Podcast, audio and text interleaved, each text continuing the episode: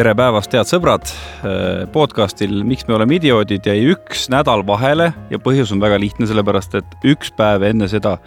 kui meie eelmine episood pidi minema eetrisse, toimusid valimised ja otse loomulikult kogu Eesti puhkab päev pärast valimisi ja ei tee mitte midagi ja muuhulgas ka mina ja Brit siis ei jõudnud teha podcast'i, on nii? absoluutselt, see, see võttis täiesti läbi, vaata ja, ja, ja ma küll ei kandideerinud nagu valimistel ega midagi, aga ma käisin hääletamas, ma olin tubli ja ma käisin hääletamas. aga tead, ma ütlen ausalt, mind siiralt väsitasid ära kõik need plakatid, kõik need reklaamid, mida sa nägid nagu vaata söögi alla, söögi peale. iga jumala reklaamipaus oli ainult valimisreklaam, nii et ma olen väga-väga õnnelik, et see tänaseks läbi on. kas sa käisid kohapeal valimas või sa tegid eh, e-hääletust? Kusjuures tead, ma käisin kohapeal, sest et äh, mul ei ole mobiil-ID-d ja minu ID-kaardi luger ei töötanud. Nii et ma olin vanamoodne, läksin Kristiine keskusesse ja hääletasin seal kohapeal. no vot, mina e-hääletasin seekord, kuigi ma olen kohapeal käinud ja, ja kohapeal on ikka kuidagi erilisem. Ja sa saad on selle sedeli, vaata ma tegin pilti sellest sedelist niimoodi, näe, vaata ma käisin hääletamas aga täna me tõesti natukene vaatame, võiks öelda nagu, nagu noorte inimeste pilguga poliitikale peale, meil on üks praeguse seisuga veel tulevane Riigikogu saadik, sest seda vannet ta ei ole ju andnud, aga aga ega, eks see vanne ka ühel hetkel ikkagi ära tuleb, Eesti kahesaja ridades Riigikogusse valitud Hendrik Johannes Terras, tere ja palju õnne sulle! tervist, aitäh teile ja täna on meil ilusti emakeelepäev, nii et ma soovin kõigile saatekuulajatele ilusat emakeelepäeva, et te kuulate seda taskuhäälingut, meil on niisugune vahva sõna olemas. Ja aitäh, et mind kutsusite. Ehm, no me juba rääkisime, et kuidas meie valisime, kuidas sinul see valimine käis, et esiteks, millal sa selle tegid? Ja kuidas, kas käisid kuskil kohapeal või siis e-valisid? ma olen varasemalt ehm, eelmised neli korda siis käinud eh, kohapeal ja ilusti sedeli kasti pannud, aga seekord ma mõtlesin, et on, aeg on juba edasi liikunud ja et need e-hääled saavad aina populaarsemaks, ma tegin selle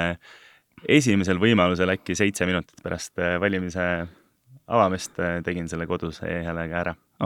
ja siin ma mainisin, et, et Brit mainis siin neid reklaame, mis igal pool jooksid siis äh, tõesti sealt äh, mingi hetk tundub, et Eestis on hästi palju nägusid, on ju, et kui sa, mõni turist siin samal ajal ringi käib, siis on kohe aru saada, mis toimub. et vaatasin, käisin perega saunas pühapäeval ja vaatame Kuldvillakut tavaliselt, et vaatasime siis üle-eelmise nädala oma ja siis mõtlesin, et olid juba rahu saanud nendest nägudest ja siis panid selle salvestuse jooksma ja hüppasid jälle kõik näod hüppasid ette mm. -hmm. no kui sa mingi seitse minutit pärast selle e-hääletamise algust äh, kohe ära valisid, seal alguses oli ju mingisugune paarkümmend tegelast, kellel midagi läks nihu ka, et mingi vales ring ringkonnas kogemata hääletasid, et sul läks kõik hästi ikka, jah? mul läks sellega kõik hästi, jah. valisid sa ennast ikka, kui tohib küsida äh,? ei valinud. ahaa! mida? miks nii? mis asja Ku, ku, kuidas selline otsus äh,? see otsus tuleb sellest, et äh, ma ei ole hetkel enda koju sisse kirjutatud, et äh, ma olen sisse kirjutatud oma vanaema juurde ja siis selle tõttu on äh, piirangute järgi valisin teises ringkonnas. no vot. ai, ai, ai. nii et aga kelle poolt sa hääletasid siis ikka oma erakonna poolt? ei, seda absoluutselt ikka jah no oota, aga sa said kokku seitsesada seitsekümmend üks häält, tean ma õigesti, onju? kas sa oled rahul selle saagiga, ütle ausalt? absoluutselt, ähm, ma ei ole kunagi seda Äh, ütleme, kogu seda poliitikasse tulekut ja niimoodi vaadanud äh, niisugusest isiklikust perspektiivist, et minu jaoks on oluline see, et Eesti kakssada teeb võimalikult hea tulemuse, see on kogu aeg olnud siht, isegi ma ütleks, et algselt, kui ma otsustasin, et äh, ma liitun erakonnaga, seisan mingi maailmavaate eest, siis oli see selles mõttes ka osaliselt protesti mõttes, et et mulle ei meeldinud see, mis valitsus meil paar aastat tagasi moodustati peale valimisi ja siis mul tekkis tunne, et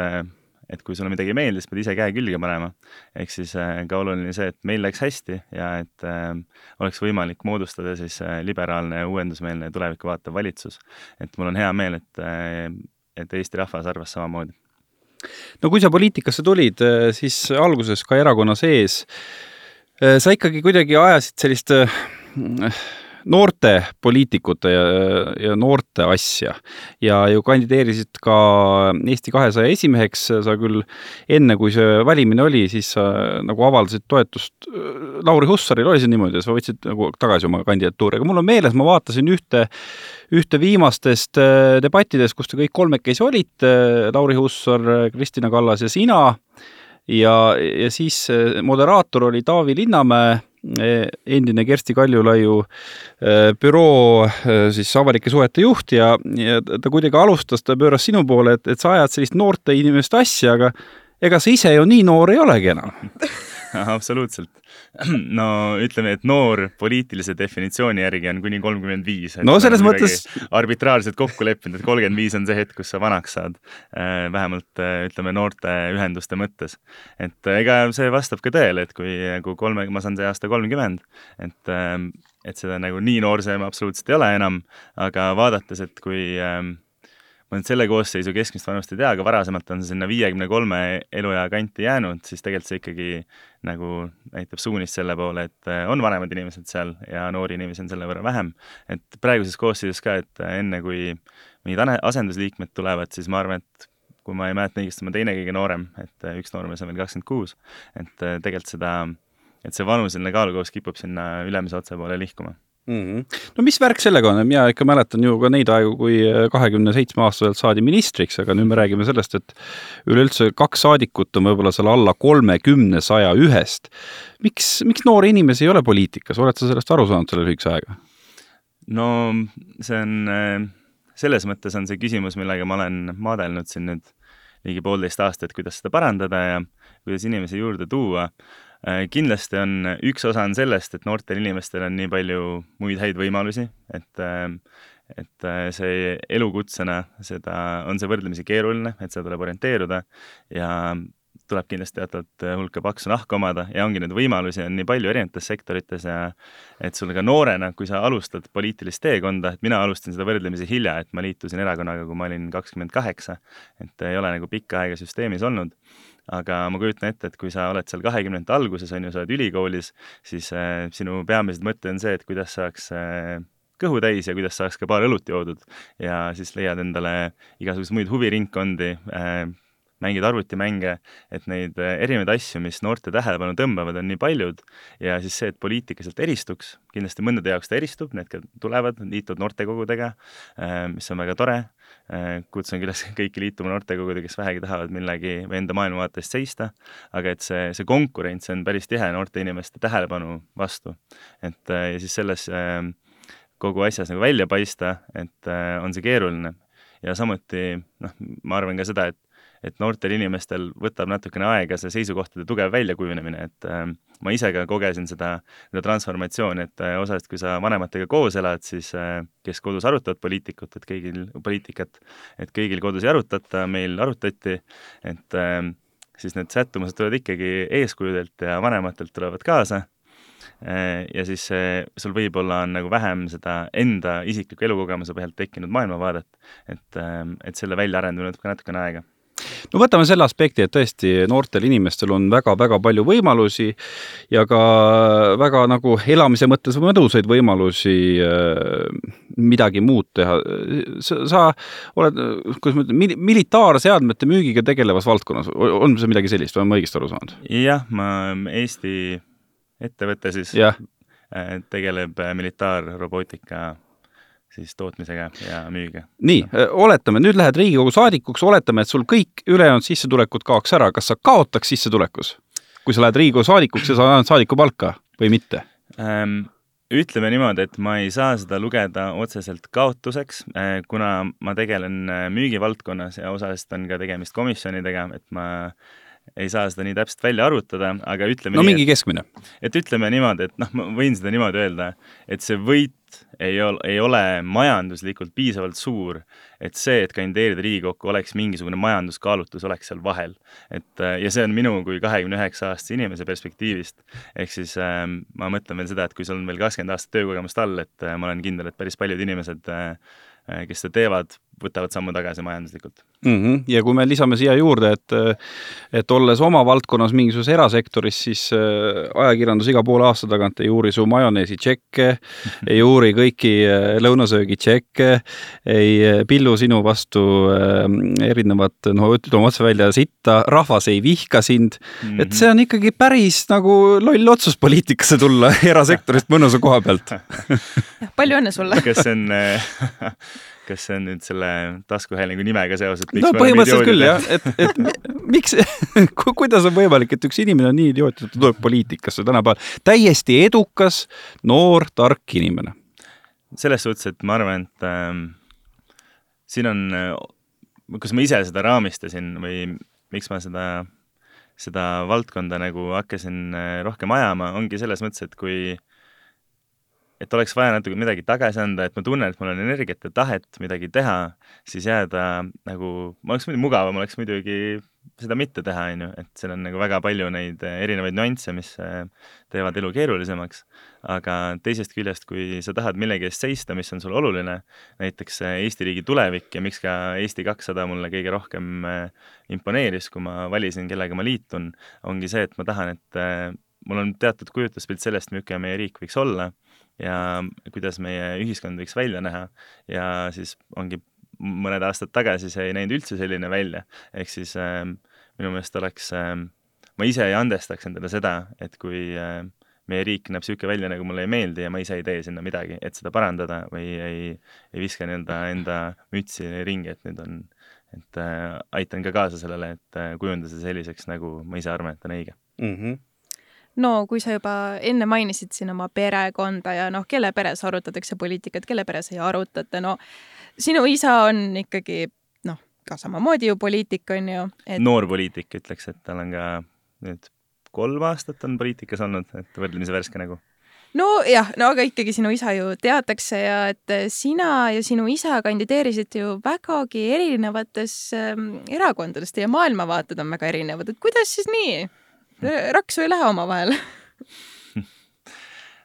no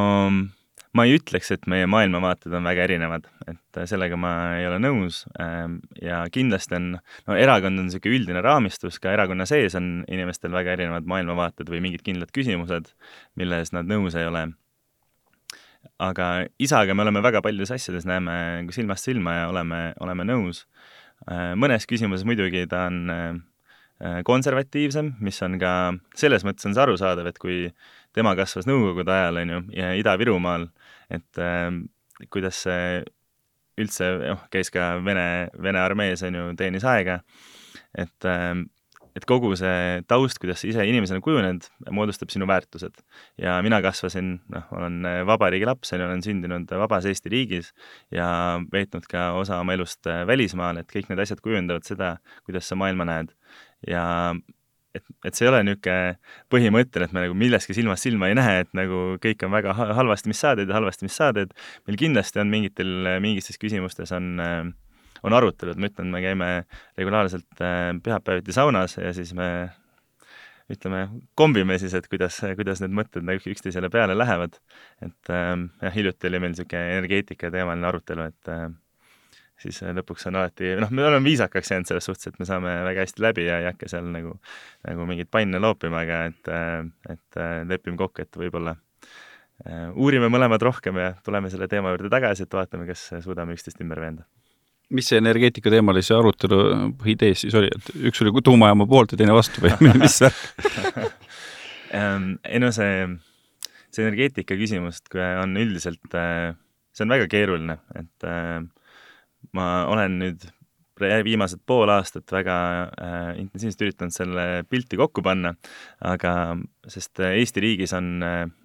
varasemalt siis viimased kümme aastat on niisugune vaba turumajanduse põhimõte, et äh, las turg ise reguleerib ja teeb, on ju. aga see on siis äh, lõppenud sellega, et ega väga midagi ei ole, ei ole toimunud. sest kõikidel erinevatel osapooltel, meil on siin äh, äh põlevkivi inimesed, meil on äh, tuumaenergia inimesed, meil on äh, Äh, siis biokütuse inimesed äh, ja äh, tuuleenergia või ütleme, taastuvenergia inimesed, et kõik, keegi ei julge mingit sammu teha, sest et kui, kuna see riik ei ole suunist kätte näidanud, et kuhu poole me lähme või mida me, mis on see, et kus, et kuhu see riik nagu välja jõuab enda energeetikaga, et kui sa ühega teed, ütleme, kokkuleppe, kes teeb teisega ka kokkuleppe, siis nad on tegelikult noh, konkurentsi põhjal nagu hakkavad äh, üksteisele ette jääma ja siis võib-olla see hind tuleb lõpuks nii madal, et see majanduslikult ei ole kasulik ja kuna seda äh, Eesti riik ei ole neile niisugust äh, kindlustunnet andnud äh, siis nagu valdkondades, et äh, et siis ei ole seda edasi nagu niisugust järgmist sammu või järgmist hüpet meie energeetikas toimunud. et äh, ma loodan, et me järgmise koalitsiooniga, kui see peaks nüüd moodustuma, suudame selle, selle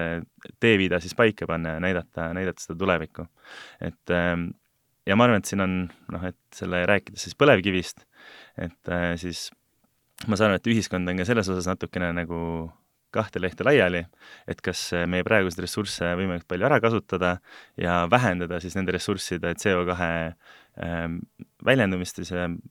atmosfääri või siis äh, liikuda hoopis teist suunas, et, äh, et nagu vähendada või taotleda CO2 neutraalsust või CO2 nulli. et ähm, ja see ongi küsimus, kus investeeringuid tehakse, et, et üks idee on see tõesti, et et põlevkivijaamadele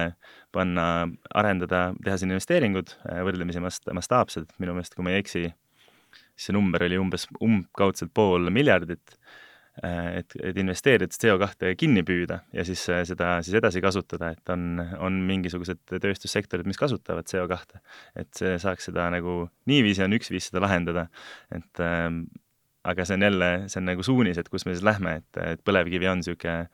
noh, minu arvates natukene aegunud tehnoloogia, et see on juba üheks, üheksateistkümnendast sajandist on ju meil olnud ja ei ole CO2 neutraalne, ei ole meie kliimale kasulik. Et äh, aga teisest küljest, kui sa seda vaatad, ega sa ei saa öelda, et see on konkreetselt vale, et igaüks, kes äh, presenteerib enda ideid, nad äh, suudavad näidata, et noh, see on see kõige õigem lahendus. et ja siis nüüd tuleb juba, et kui kõik arv-, ütlevad, et nende lahendus on kõige õigem, siis tuleb see uskumuste küsimus mängu, et äh, millest sa ise kõige rohkem usud no väga tark jutt. kui palju see hingele tegelikult see ikkagi haiget teeb, et et inimene, kes noh, kliimateemadel on ilmselgelt hästi kursis, ma kujutan ette, militaarteemadel on täitsa hästi kursis, ja siis ta pääseb Riigikokku ja siis äh,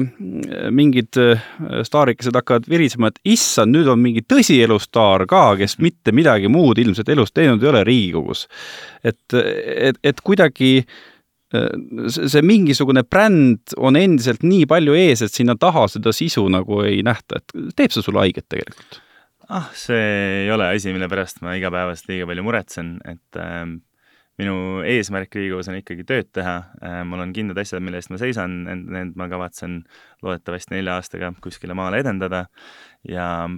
see kogu, mis sa varem teinud oled, et see on äh, see on jälle niisugune väga, see on niisugune huvitav argument, seda on lihtne kasutada, et tõesti, ma olen äh, noor inimene, ma arvan, et ma olen enda, enda elu jooksul päris palju teinud ja näinud, et, et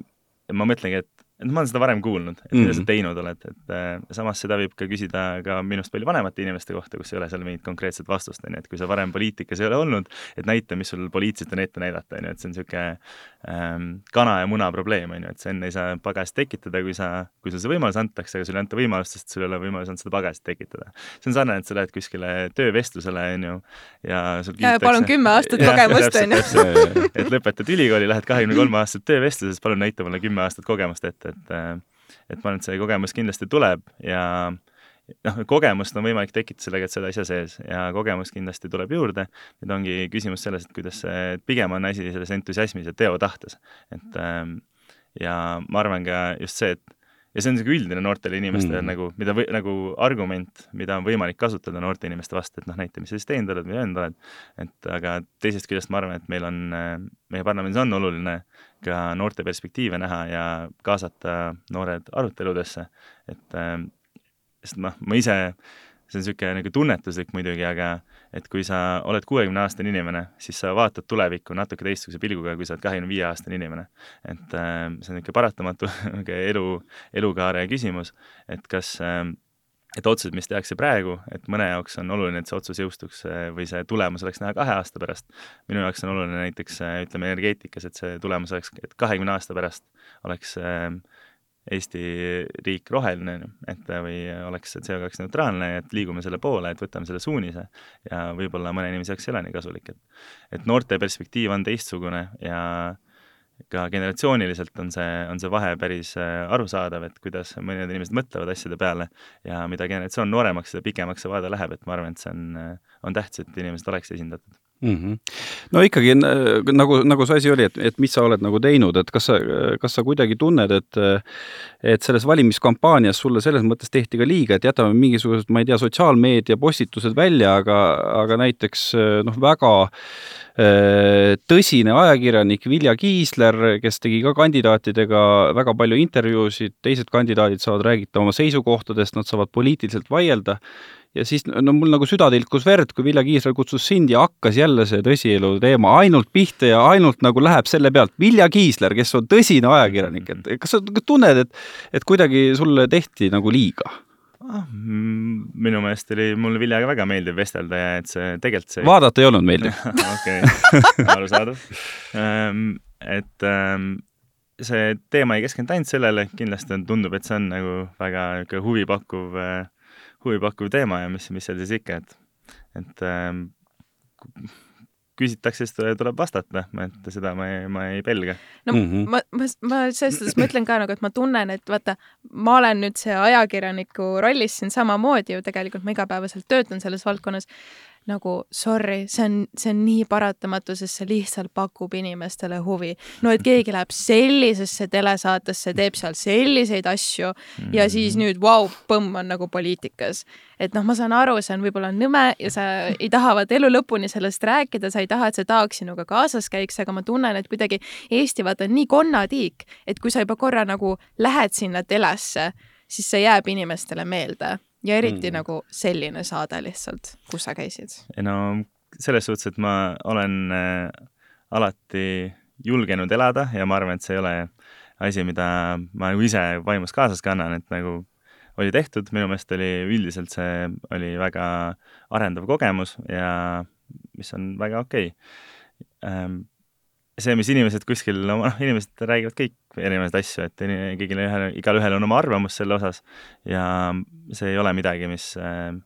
mis nagu isiklikult minu tööd otseselt takistaks, et kui see on nagu huvitav, siis las ta olla, et selle, selle ma ei saa midagi teha mm. -hmm. nii et äh, ei mingeid kahetsusi ühesõnaga?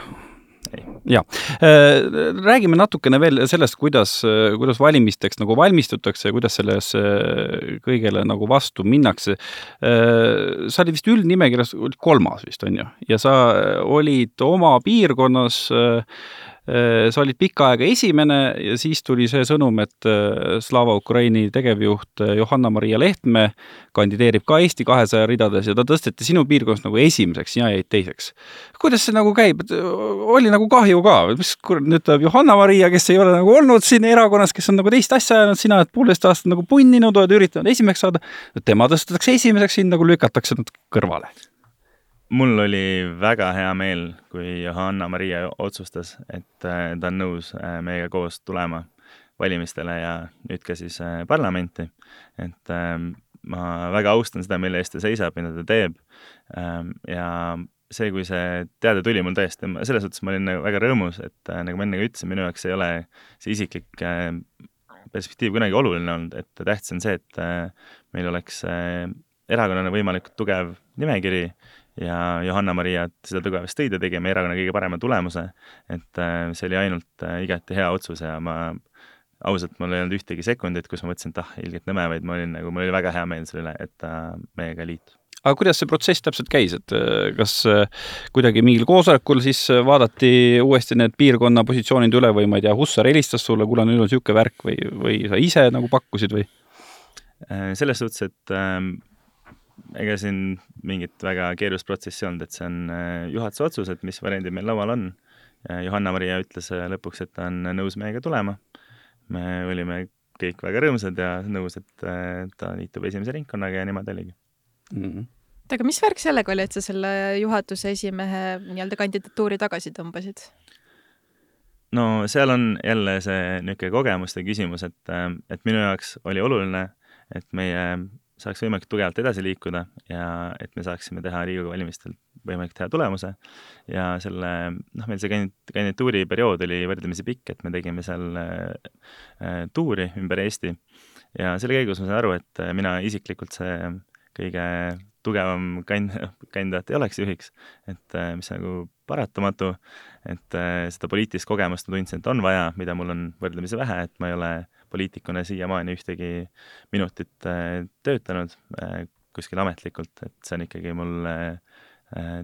töö kõrvalt niisugune hobi on väga vale sõna selle kohta, aga see on, selles suhtes on see, on see nagu lisa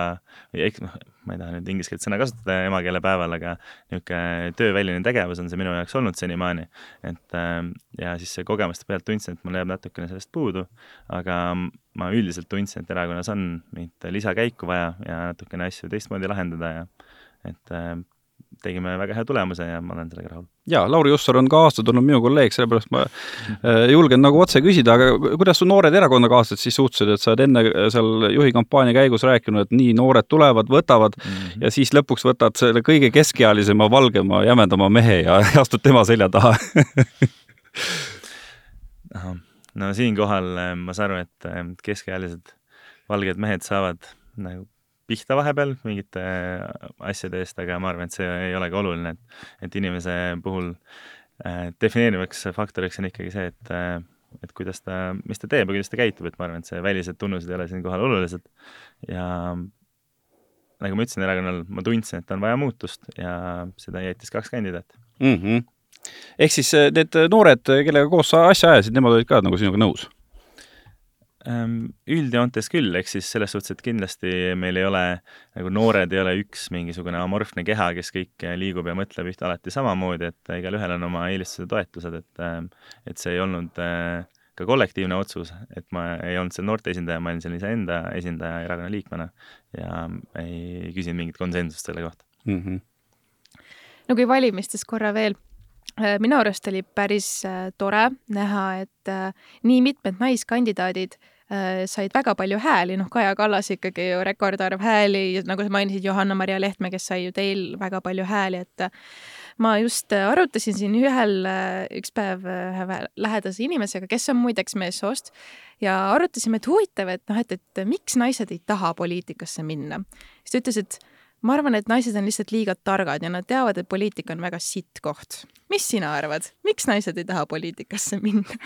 ma ei arva seda, et naised ei taha poliitikasse minna, et ähm, nagu aga naisi meie... on ikkagi vähem kui mehi poliitikas. naisi on vähem, ma sellest äh, või asi ei ole selles, et ei taha, aga ei valita? et sotsioloogilist tausta ma siin ei tea, et ähm,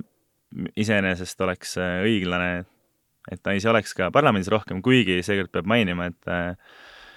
mis on nagu huvitav, et kui äh, kui ma ei eksi, siis meie esimeses parlamendis äh, siin kahekümnenda sajandi alguses oli üheksa naist, võin numbriga eksida, aga see oli äh,, et see oli hästi suur saavutus, et näidati, et noh, see oli ka niisugune aeg, et vaadake, et meil on üheksa naist räägivad kaasa. Ja täna, täna siis või selle, nendel valimistel sai ka kõige rohkem naisi Riigikokku pärast taasiseseisvumist, mis on kolmkümmend, aga et see ühes, ühest küljest on nagu koht juubeldamiseks, teisest küljest ähm, mina seda isiklikult niimoodi ei näe, et see väga juubelduskoht oleks, et neid peaks kindlasti seal rohkem olema. ja, ja seda, noh, Prantsusmaa näiteks on võtnud vastu äh, sellise määruse, et äh, iga naise eest, kes parlamendis on, saab erakond rohkem toetust. et äh, ma ei tea, kas me nii karme meetmeid peame ra rakendama, aga see kindlasti, ma, ma arvan, et on oluline, et naisi tuleks poliitikasse rohkem ja nagu me näeme, iga aastaga tuleb neid aina juurde, et et miks see niimoodi on, siis mul ei ole niisugust äh, sotsioloogilist uurimust käe pealt võtta, et miks, miks see niimoodi on, et kindlasti seda uuritakse, et ähm, aga mis su isiklik arvamus on? et miks neid nii vähe on? jah.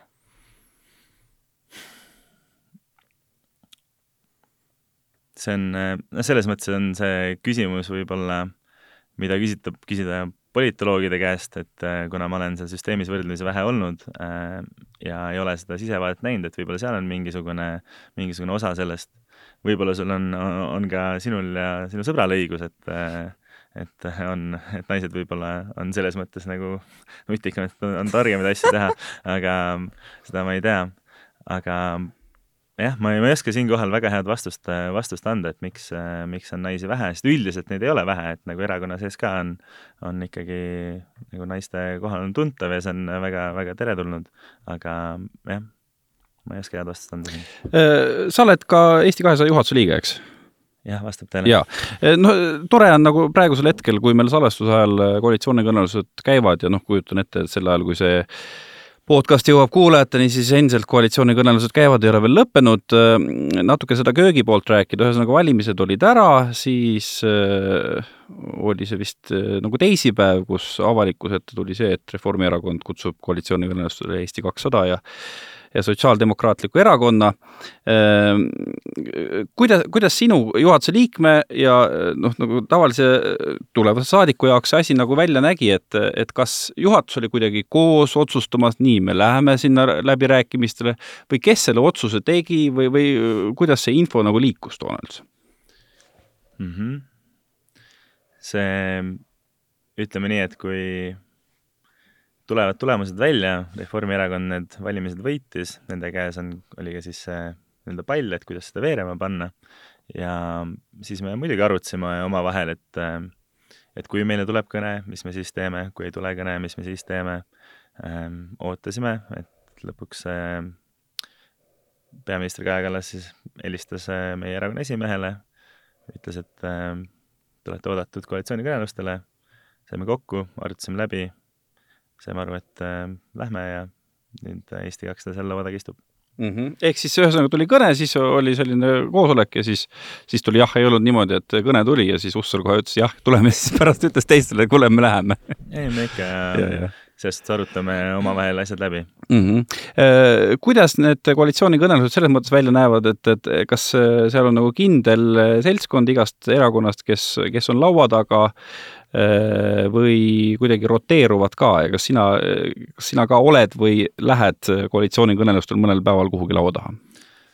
no üldiselt on niimoodi, et kui, ähm, et saadetakse kindel hulk inimesi, et see rahvamass liiga suureks ei läheks, et oleks äh, noh, et ei läheks äh, nii-öelda laialivalguvaks see arutelu, et mida rohkem inimesi sa kaasad, seda vähem seal on konkreetsust. Ja meil on oma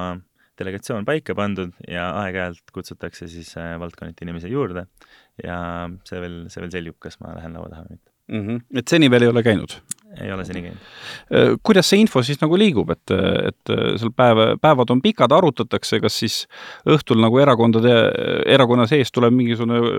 ma ei tea, meili, meili grupi chat, grupi chat ka, et mis siis toimub või päeva jooksul pidevalt nagu sealt laua tagant nagu liigub infot, et kuule, nüüd räägitakse seda ja seda või, või kuidas see on?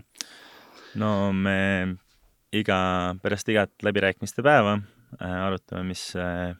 mis sai, kuhu me jõudsime ja enne igat läbirääkimist samamoodi arutame läbi, et mis teemad on tulemas, äh, mis on meie seisukohad, mille eest me seal võitleme ja siis saadame meeskonna seda teostama mm. -hmm. no ma olen aru saanud, ma ise ei ole näinud, aga teised ajakirjanikud on rääkinud, et kui oli see esimene päev, ja Reformierakond oli Rahandusministeeriumil lasknud ette valmistada ühe, ühe sellise toreda mingisuguse PowerPointi esitluse vist, siis esimene slaid oli olnud kohe, et raha ei ole. aus eks selles suhtes peab, sellega peab arvestama, et Eesti riigieelarve on praegu mõneprotsendilises defitsiidis ja see on meil on väga keerulised ajad olnud üleüldiselt, et meil oli mitu aastat koroonat, mis meie ütleme, majandustegevust piiras, meil on sõda Ukrainas, mis energia hinda jälle, jälle tõuseb, sellega kaasnevad ka ela-, nagu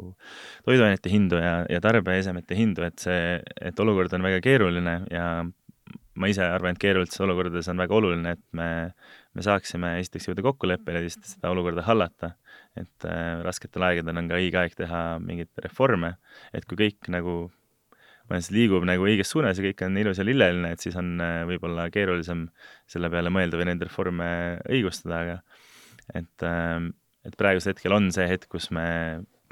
Eesti riigile selle suuna valime ja et kus suunas me liigume ja mis reformid me ära teeme, et äh, me enam niisugustes olukordades ei oleks mm. -hmm. igal juhul on rasked otsused ees ja noh, see kõik võib tähendada, et siin äh, tõesti, kui see koalitsioon ilusasti tööle saab, siis siis äh, ka rahva jaoks on tulemas raskeid otsuseid ja võib-olla siin, ma ei tea, nelja-viie-kuue kuu pärast on, äh, on praegustel või siis tulevastel valitsuserakondadel toetus tunduvalt madalam. okei okay,, Reformierakond seal, ma ei tea, mis see kolmkümmend üks protsenti käib, kui korra viieteist-kuueteist protsendi peal, mis seal ikka. Eesti kakssada võib-olla ongi, kurat, saate alguses kohe kabeli matsu ja nägemist siin küsimust küll ei olnud, et ma saan nüüd äh, et ma mõtlen, väljendasid oma seisukohti. ei no selline, selline variant on ju täitsa olemas. No, me nii. oleme näinud ka poliitilisest ajaloost, näiteks Isamaa ja Res Publica Liit ju äh, noh, sisuliselt ainult ühe valimistsükli äh, suutiski elus püdida, siis pidid nad Isamaaga väga nõrga, nõrga tulemuse pealt ühinema, sest olid nad kohe nagu valitsuses, kohe peaministripartei ja tegid raskeid otsuseid ja noh, kuidagi no, nagu valijad kadusid sealt selja tagant ära. noore partei jaoks see on ju ikkagi nagu kuidagi selline laveerimise küsimus. absoluutselt, siin äh, tuleb niisugune poliitika olemus jälle mängu, on ju, et kas, ähm, et kas oluline on hoida valijate hääli või teha asju, mis on sinu arvates õiged. et äh, mina ise isiklikult toetan seda viimast, et, äh, et kui otsused, mis tehakse, on sinu nagu moraaliga kooskõlas ja sa arvad, et see on asi, mis meid edasi viib, siis ja see tehtud saab, äh, siis on see ainult kiit-, kiitmist väärt. Äh, toon näite ka Austraaliast, kus oli äh, pärast ühte massitulistamist peaministripartei siis viis läbi relva piiramisseaduse, mis oli, vähendas väga suurel hulgal relvaga seotud kuritegusid ja, ja niisuguseid laskmiseid ja tulistamisi ja pärast olid nad tagasi valitud, eks nad tegid Austraalia jaoks väga olulise ja siiamaani kehtiva seaduse ära, aga tagasi valitud ei saanud, aga mina vaatan sellele ainult otsa niimoodi, et väga hästi tehtud. et, et oluline,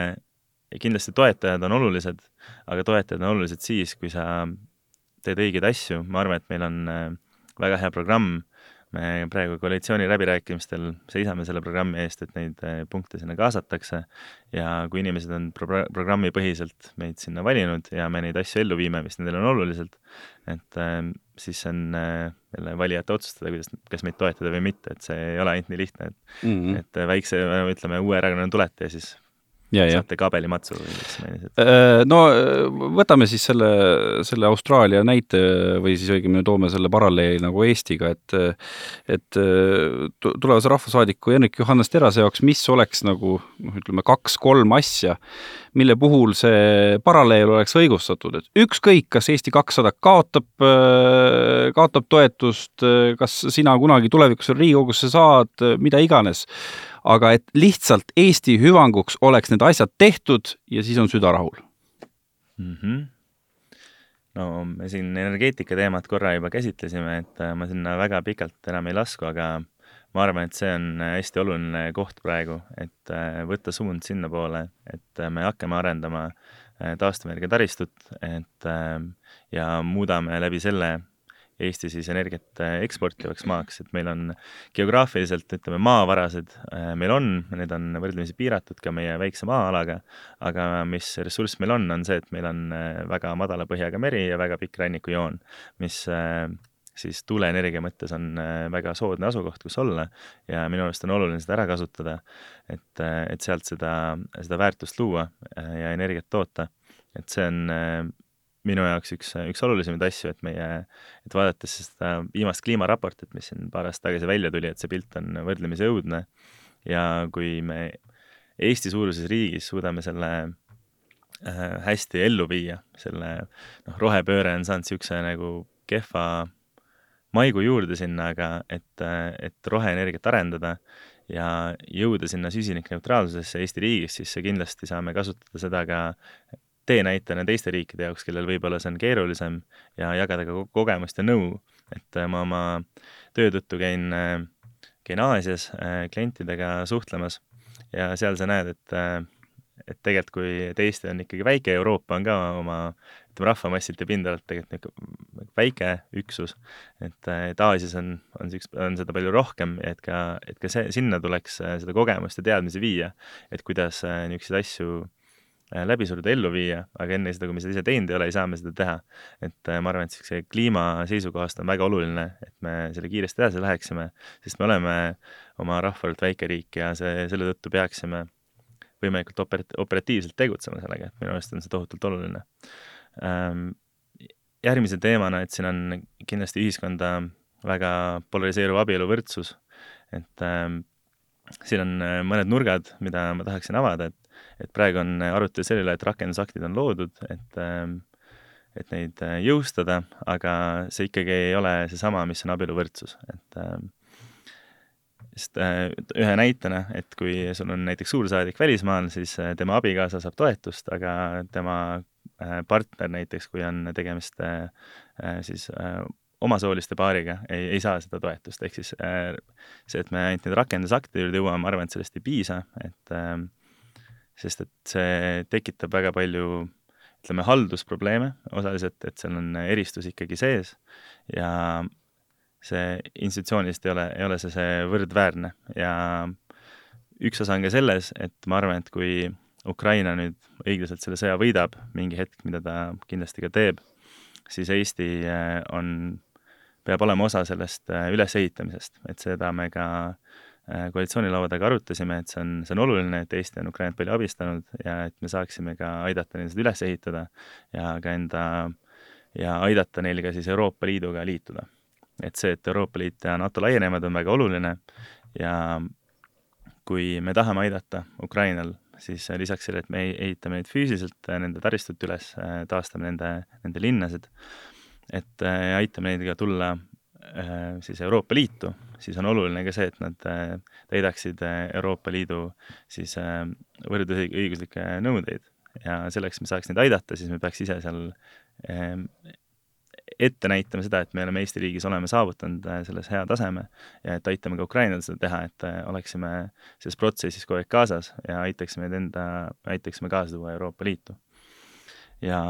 muidugi see on hästi polariseeriv küsimus ja ma saan sellest aru, et äh, siin on äh, ütleme nii, et tulevad ka nagu teoloogilised aspektid mängu, et kui äh, et kui mõne jaoks on äh, abielu on mehe-naise liit, mis on jumal on nagu heaks kiitnud, on ju, et siis nende jaoks on see probleem, et kui omasoolistel on võimalik abielluda. aga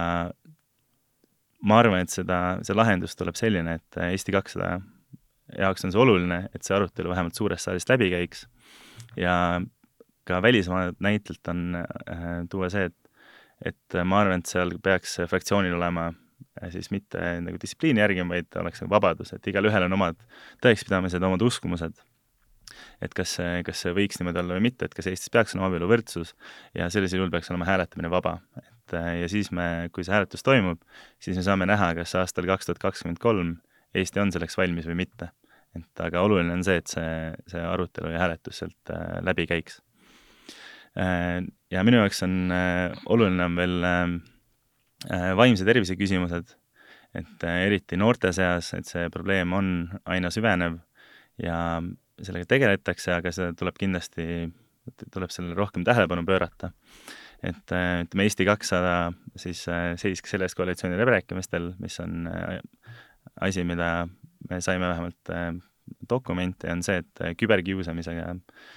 tuleb tegeleda, et see on, see on asi, kus Eestis ei ole praegu ühtegi äh, nagu tööriista või võimalust küberkiusamist kuidagi äh,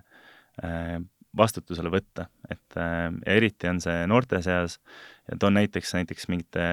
äh, paljaste piltide levitamine äh,, mis on äh,, mis on, on, on aina kasvav probleem ja praegusel hetkel ei ole ühtegi võimalust äh, neid inimesi vastutusele võtta, et sa pead viibutama näpuga, öelda, et see ei ole õige, aga sellest sellega asi nagu piirneb. et see peaksime jõudma sinnamaani, kus selline käitumine on äh, ka kriminaalkorras karistatav, näiteks Soome näitelt äh, need sellest esimesest jaanuarist äh, kaks tuhat kakskümmend kolm äh, rakendus neil seadus, kust ütleme, niisuguste paljaste või seksuaalse alatooniga piltide levitamine kuskil sotsiaalmeedias või kus iganes on karistatav ka kriminaalkorras, et põhimõtteliselt võib, oleneb sellest skaalast, võib selle eest lõpuks vangi minna või või siis maksta näiteks, kui see on noortevaheline, et siis äh, ühe noore vanemad siis hüvitavad seda kahju ka teise noore vanematele, et see on oluline asi, on seal võtta väga range ühiskondlik seisukoht, et niisugust äh, asja me siin riigis ei luba ja niimoodi me teiste inimestega ei käitu, et äh, me niimoodi teeme mm. -hmm. no ideed on suurepärased, kui natuke nüüd äh, järjest tagasi minna, siis üks asi, kõik see läbimurre, mis on seotud ka, seotud ka noh, kas rohepöördega või siis teistsuguste energeetika tootmise allikate leidmisega, siis kõik on millegipärast ju viimase, viimastel aastatel jäänud hätta, et kui tahetakse tuulikuid ehitada, siis rannarahvas ütleb, ma ei näe merd. tahetakse tselluloositehast ehitada, haiseb, tahetakse kanalat ehitada, naabriks ei taha seda kanalat, et ühesõnaga kuidagi selles mõttes me oleme nagu jäänud tohutult jänni igasuguse progressiivsusega, et, et poliitikud kardavad rahvast. kuidas sellest nagu üle murda, et kui, kui sa tõesti ütled, et, et see selline läbimurdmine nende teemadega oleks oluline, et, et ku, kuidas Eesti kakssada käitub nii, et rahvast ei karda? Hm. no meil siin viimane Nursipalu arutelu on no., on, on õhus olnud ja see on ka hea näide sellest äh, nagu NIMBY fenomenist, et not in my backyard, mitte minu tagaõues ähm,, mis äh, on meid kindlasti piiranud, aga ma arvan, et seal ei olegi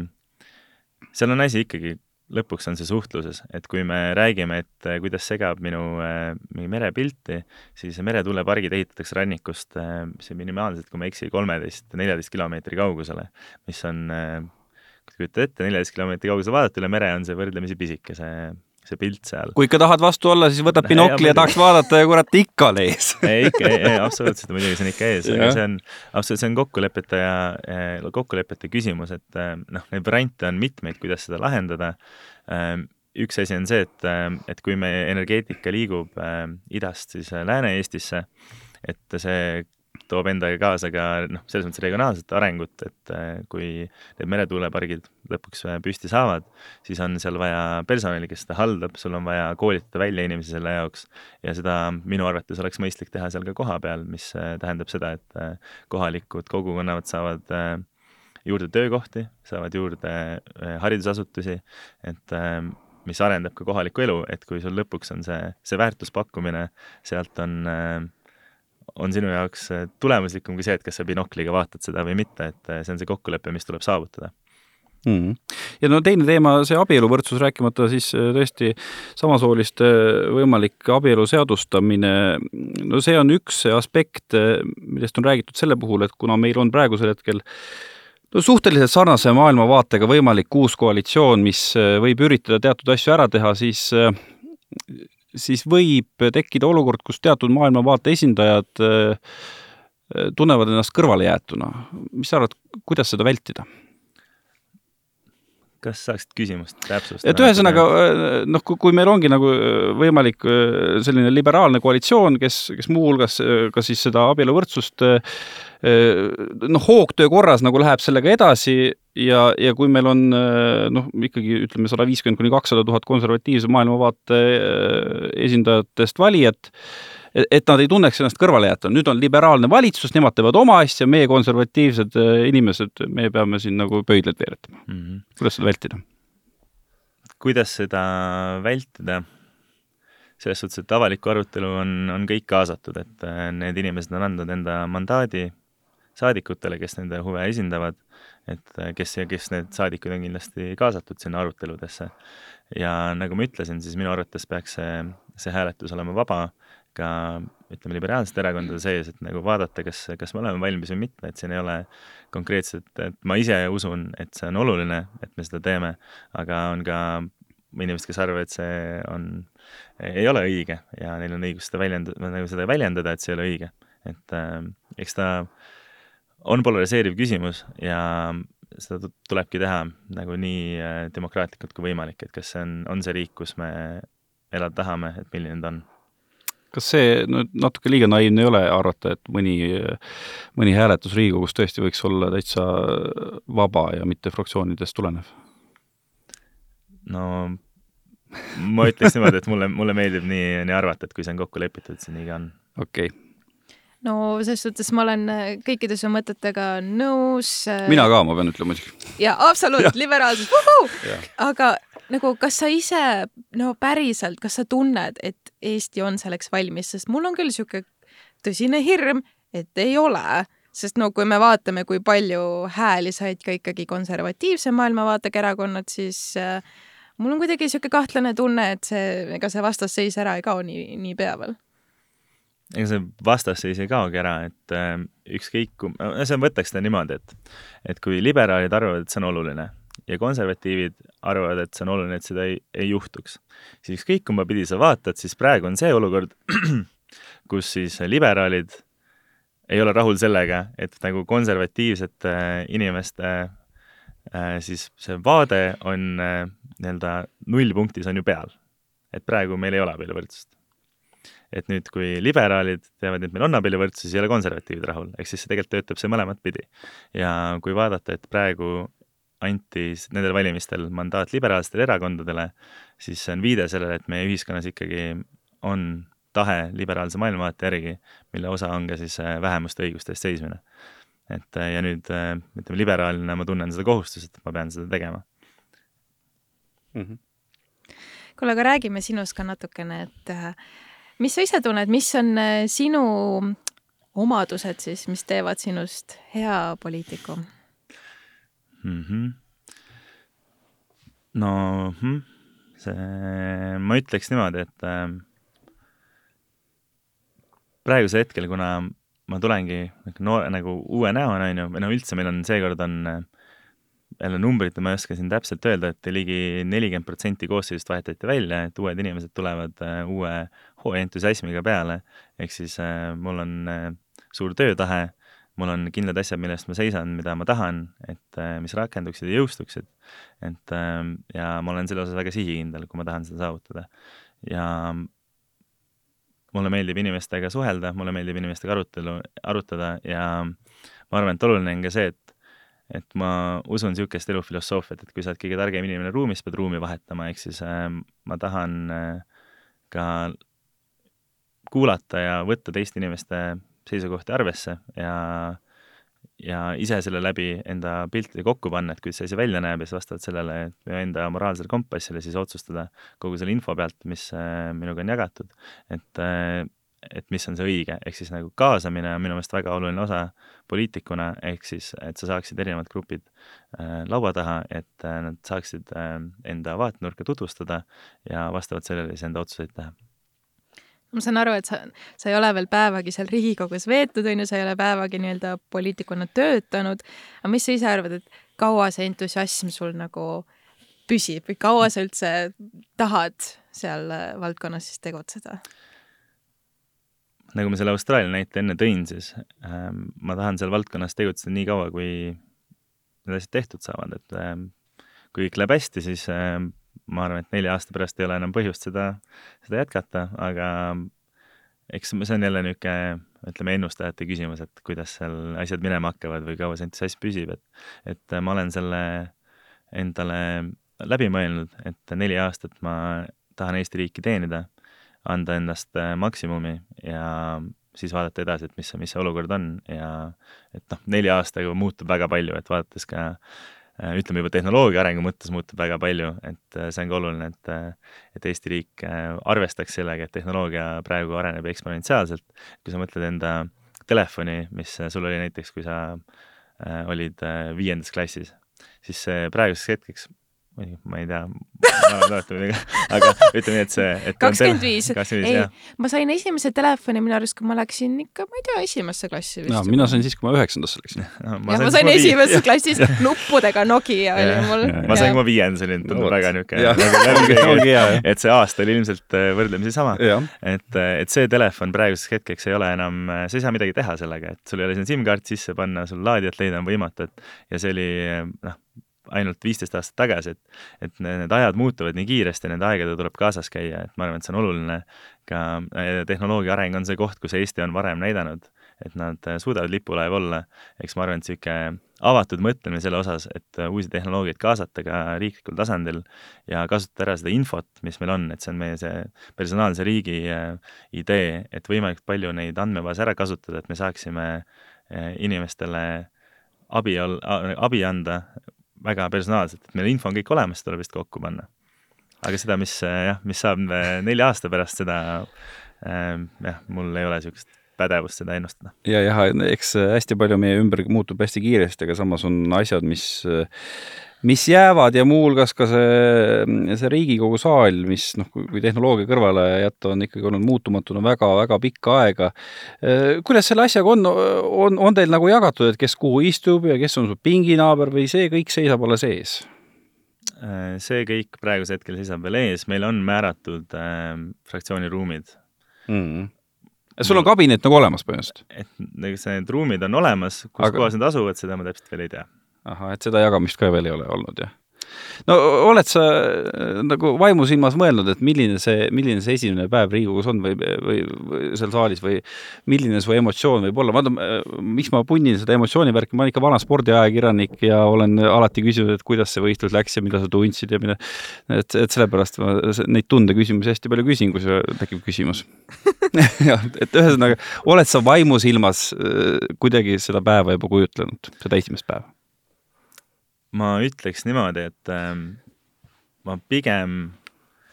ähm, ma ei kujutle seda päeva niivõrd ette, ma kujutan ette seda tööd, mis me peame hakkama tegema ja seda info hulka, mis tuleb äh, talletada, et mul on siin niisugune väikene raamat. nii, selline pisike sinine raamat. jah, see pisike mis see on? see on Eesti Vabariigi põhiseadus. issand, kui nunnu. et selle, ütleme, et kui vaadata, et seda läbi töötada, see on niisugune tunni aja küsimus, aga on olemas veel niisugune ägedam versioon, mis on siis Eesti Vabariigi põhiseadus koos äh, seletuskirjadega, mis on tuhat kakssada kaheksakümmend lehekülge, et ma praegusel hetkel tegelen siis selle läbitöötamisega ja ma pigem vaatan sellele emotsioonile otsa, et kui palju seda info hulka on, mis ma pean äh, omandama ja talletama, et äh, saaks võimalikult hästi enda rahvasaadiku tööd teha. et ma keskendun pigem sellele, kui sellele emotsioonile, mis seal saalis on. mm. -hmm. Loed nagu unejuttu õhtuti endale niimoodi. Eesti põhiseadus et äh, jah, kuna see on võrdlemisi mahukas tekst ja hästi juriidiline tekst, siis äh, ma ei hakka valetama, vahepeal on küll äh, uni silma tulnud, aga olen ikkagi läbi surunud sellest. no vaata, ega see jah, see, see seletatud versioon, see on ikka päris, päris raju lugemine, aga noh, kui sa oled ka hiljuti tutvunud sellega, sul on isegi see põhiseadus taskus kaasas, kuidas sulle tundub omal ajal, kas need meie, meie riigi loojad või riigi taasloojad said nad hästi hakkama või sa tunnetad, et põhiseaduses midagi olulist on nagu puudu või võiks kuidagi teisiti olla sõnastatud või? Ähm, ma arvan, et üldpildis on äh, põhiseadus väga hästi tehtud, et ähm, nüüd, kui me selle peale läksime, siis siin on kaheteistkümnes punkt on siis äh, äh, ma ütleks vaenukõne mõttes on üks asi, mis ta sätestab, et äh, see on see punkt, kus ütleb, et see on karistatav, see on ka ainuke punkt siin äh, äh, põhiseaduses, mis ütleb, et vaenukõne peaks olema äh, karistatav. et see on ka, ma arvan, et oluline on see nagu põhiseadusest ette võtta, et kuidas äh, kuidas me seda tagame, et äh, siin, äh, kui reformierakondlane Maris Lauri oli justiitsminister, siis tehti ka eelnõu, mis seda natukene täpsustas. et ja seal täpsustas niimoodi, et kui see ei tekita, ma täpselt sõnastust ei mäleta, et, et ei tekitaks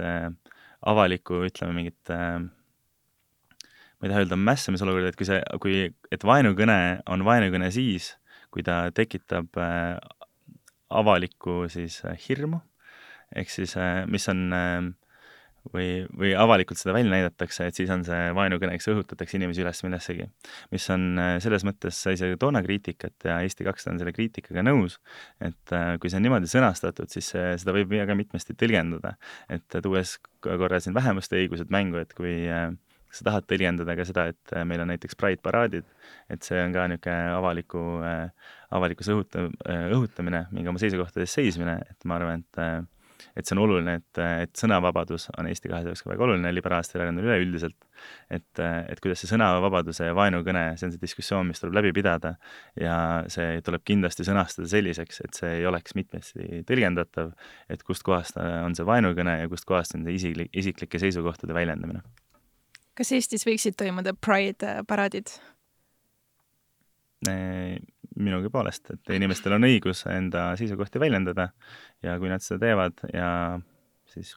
no ma mõtlen ka, et no sama asi, tõrvikurongke ikka on ju ka seisukoha väljendamine, nii et Absoluutselt. jumala eest onju. et see on see sõnavabadus, et mul on, selles mõttes on mul hea meel, et et me elame niisugusel ajastul, kus sõnavabadus on asi, mis eksisteerib, et me, mina ei ole kogenud seda, et seda eksisteeriks, aga ma näen seda ka mõnes välisriigis, kus sellega on nagu natuke kehvemini ja see, see ühiskonna äh, tunnetus ja see vahe on väga suur, et äh, selles mõttes on mul hea meel, et Eestis sõnavabadus on ja selle eest ma seisan, et see nii jääks. okei, viimane küsimus. kui sa saaksid lihtsalt niimoodi nipsust ühte asja Eesti riigis muuta, nii et homme on teisiti ja see ei tohi olla üks nendest asjadest, mida sa enne mainisid. aga see võib olla ükskõik mis muu. mis see oleks nipsust muuta mm? -hmm. mm. -hmm. No siin on, noh, võrdlemisi tihti on läheneda niisugune missivõistluslikult, et ma tahan, et Eestis oleks vähem korruptsiooni, aga jah, ma arvan, et see on ka üks, üks oluline element ongi see, et et me võitleksime selle vastu, et rahvasaadikud tegeleksid siis Eesti riigi jaoks töötamisega, mitte omakasu saavutamisega läbi selle, et ma arvan, et see on äh, minu jaoks oluline, et niisugust asja oleks vähem. ma ei arva, et Eesti väga üldlõikes ei ole väga korruptiivne riik, äh, et kas ka indeksites meil ei ole see koht väga kõrgel, aga iga kord, kui niisugune korruptsiooni olukord juhtub, siis mul läheb küll, meil läheb mustaks, et ei taha niisugust asja näha mm. -hmm ühesõnaga, sinu lubadus, Henrik, on, et, et Riigikogu istungite ajal Bolti ei sõida ja siis majoneesi ei osta kuluhüvitiste eest, et ühesõnaga me võime uskuda, et järgmise nelja aasta jooksul sina käitud korrektselt, eks? ma teen endast parima kindlasti seda on tore kuulda ja, ja igal juhul oli tore sinuga pikemalt vestelda, tuttavaks saada, natuke teise külje alt kindlasti meie kuulajatel tuttavaks saada ja, ja minul ja Britil üldse, üldse rohkem tuttavaks saada ja see saab olema kahtlemata põnev ja raske katsumus, nii et äh, soovime sulle ainult jõudu! aitäh teile! Ja, ja aitäh ka kõigile kuulajatele, kes olid meiega, et äh, need, kes tahtsid kuulda Brigittest ja vallalisest kaunitarist, äh, palun vabandust, seda siin saates ei juhtunud. aga õnneks te jõudsite podcast'i lõppu ja kuulsite väga palju muud toredat juttu täpselt nii. aitäh kõigile ja jah, siis äh, loodetavasti kohtume uuel nädalal. me proovime ikka olla tublid ja jõuda teie kõrvadesse regulaarselt. nii et järgmise korrani Чао, Наверное. пока.